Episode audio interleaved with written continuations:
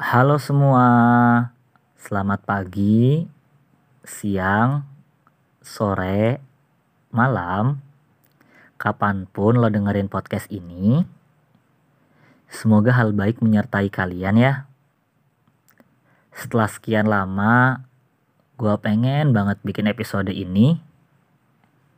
Akhirnya, gue putuskan untuk mempersembahkan episode ini di awal Juni. Oh iya, selamat bulan Juni ya. Semoga Juni memberikan hal baik dan selalu memberikan kekuatan dengan hal apa pun yang akan kita hadapi di masa yang akan datang. Rasanya Mei terlalu spesial sampai gua terlarut pada momentum di bulan Mei. Padahal tak semua momentum itu indah. Tapi entah kenapa apa pun momentumnya Mei selalu istimewa. Tanpa menunggu waktu lama, yuk kita mulai.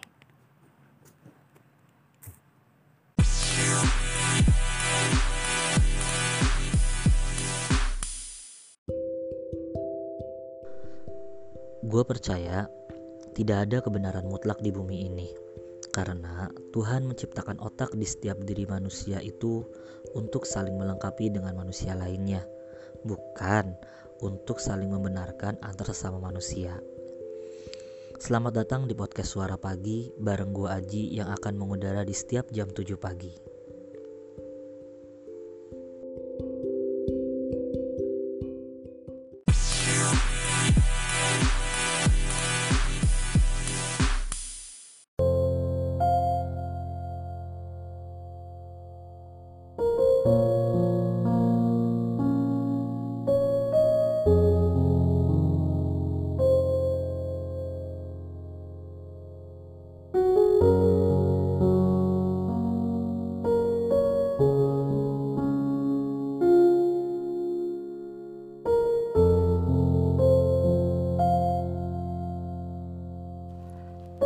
Episode kali ini, tepatnya episode ketujuh dari podcast Suara Pagi, gue akan bercerita dan sharing seputar perjalanan gue sampai di titik ini. Titik di mana akhirnya setelah penantian panjang, akhirnya buku pertama gue lahir. Di episode kali ini gue bakal bagi menjadi tiga bagian Yang di setiap bagiannya ada pertanyaan yang akan gue jawab Kenapa suara pagi? Orang banyak yang menanyakan kenapa menulis dan ciptakan platform suara pagi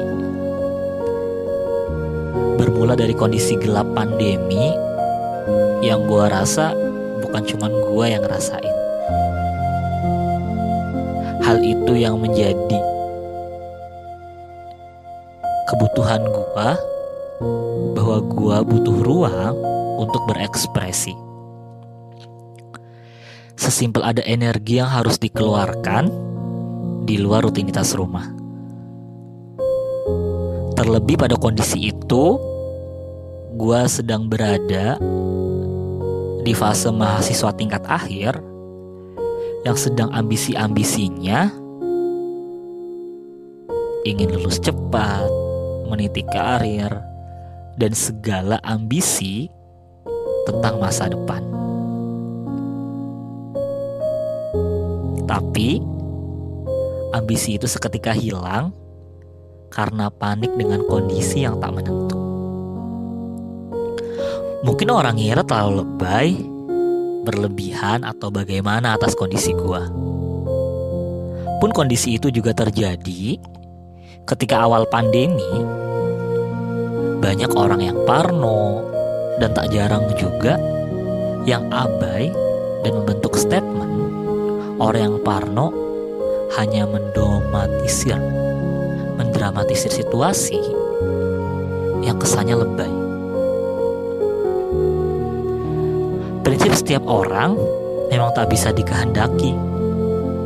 karena itu hak setiap manusia. Tapi menghakimi juga bukan tugas manusia kan? Kita sebagai manusia hanya bisa saling menguatkan kepada diri sendiri dan orang di sekeliling kita. Singkat cerita dari kondisi yang tak menentu, gue perlu ruang untuk bercerita. Dan di kondisi itu gue tak peduli orang lain akan mendengarkan atau tidak. Karena pada prinsipnya setidaknya tulisan gue bisa menjadi reminder diri gue sendiri. Bisa menjadi pengingat untuk masa depan dalam situasi dan kondisi apa pun. Dalam suasana terang ataupun gelap di masa yang akan datang. Nama suara pagi menjadi pesan pribadi dengan logo tulisan jam 7.00 bahwa bangun pagi adalah terapi untuk menata diri. Menata diri untuk kehidupan yang lebih baik lagi. Menjadi api semangat untuk menjalani hari. Suara Pagi memiliki dua ruang cerita yang bisa kalian nikmatin di platform Instagram dan pesan suara di digital platform yang kalian nikmati. Ada di Instagram @suarapagi.id yang kalian bisa nikmatin tulisan-tulisannya dan kalian juga bisa mendengarkan pesan suara di podcast Suara Pagi. Selamat menikmati hidangan yang disajikan oleh podcast Suara Pagi dan Instagram @suarapagi.id. Pertanyaan kedua, kenapa menulis buku menjemput kata bertahan? Seperti yang gue jabarkan pada postingan gue di Instagram, ada satu prinsip yang membentuk pola pikir gue dan menghantarkan gua pada titik ini. Bahwa tak semua orang punya kesempatan untuk bercerita. Dan karya bisa menjadi salah satu solusinya. Gua sadar bahwa usia 20-an adalah fase dilematis yang dihadapin oleh semua orang di masanya. Hal itu yang menjadikan gua terlalu tertutup dan enggan untuk bercerita ke banyak orang. Karena mereka juga sedang merasakan zona gelapnya masing-masing. Terlalu rumit untuk mencari waktu yang tepat untuk bercerita. Karena tak semua waktu mampu membentuk ruang yang tepat untuk bercerita. Situasi ini menjadi jembatan bahwa perlahan kita akan merasakan situasi yang cuman kita sendiri yang bertahan. Tak mudah mencari teman cerita. Pertolongan juga kian menipis. Karena semua juga sedang merasakan hal yang sama dan sedang melaksanakan kesibukannya masing-masing. Dan akhirnya kita sadar bahwa segelap apa pun, sesakit apa pun, sepahit apa pun kehidupan ini, kita akan tetap bertahan dengan diri kita sendiri. Pernah hianati diri sendiri, karena ialah yang akan selalu menemani sampai kapan pun. Melahirkan karya adalah jawaban atas segala kegelapan di atas. Karena gue percaya bahwa seberagam apa pun zona gelap di setiap manusia, ada titik tengah yang menyamakan kita semua. Bahwa kita sama-sama ingin dikuatkan,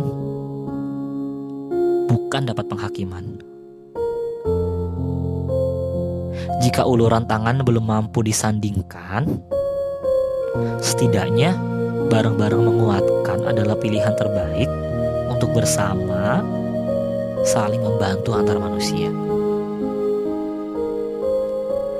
Apa yang gue bilang di atas yang akhirnya muncul pada pertanyaan ketiga. Apa isi buku dari menjemput kata bertahan?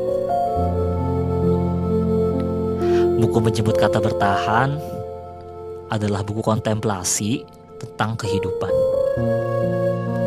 Pada buku ini terbagi menjadi tiga zona yang gue alamin selama pandemi di tahun 2020. Yang pertama zona ekspektasi, yang kedua zona gelap, dan yang terakhir zona penerimaan. Sekedar disclaimer aja bahwa dalam cerita ini saya belum pernah publikasikan di platform mana pun dan ini pertama kalinya gue cerita tentang tiga zona dalam buku tersebut. Yang pertama zona ekspektasi.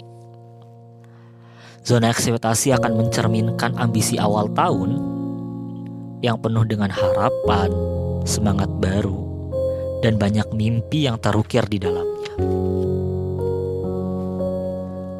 Namun akhirnya datang zona kedua yang rasanya tidak akan pernah diekspektasikan oleh semua orang. Ialah zona gelap di mana pandemi mulai hadir di bumi pertiwi ada harapan yang berganti menjadi kecemasan, bahkan ketakutan. Konflik keluarga, konflik pertemanan, hingga lingkungan. Zona ini memang mendominasi dibanding dengan dua zona lainnya. Kalian akan terbawa dengan zona gelap yang ada di pandemi 2020 menjemput kata bertahan, A Journey of 2020. Zona terakhir adalah zona penerimaan. Di akhir bab, banyak kekuatan yang mulai muncul bukan karena harapan. Bukan karena harapan yang kian datang atas segala hal yang kita inginkan. Tapi sebatas penerimaan atas apa pun yang akan datang.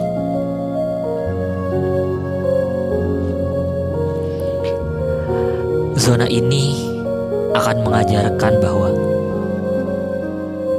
tidak selalu sabar menghantarkan kita pada sebuah harapan yang kita inginkan, melainkan sabar juga bisa menghantarkan kita pada sebuah kata keikhlasan yang akhirnya tidak dipungkiri bahwa di saat terang tiba akan muncul gelap baru yang itu tandanya kita manusia. Sebelum mengakhiri episode ini, ada dua kalimat favorit yang selalu gue idam-idamkan dalam buku tersebut. Karena dalam dua kalimat tersebut dalam proses pembuatannya, dalam proses menemukan kalimat tersebut, gue melewati banyak pembelajaran tentang kehidupan.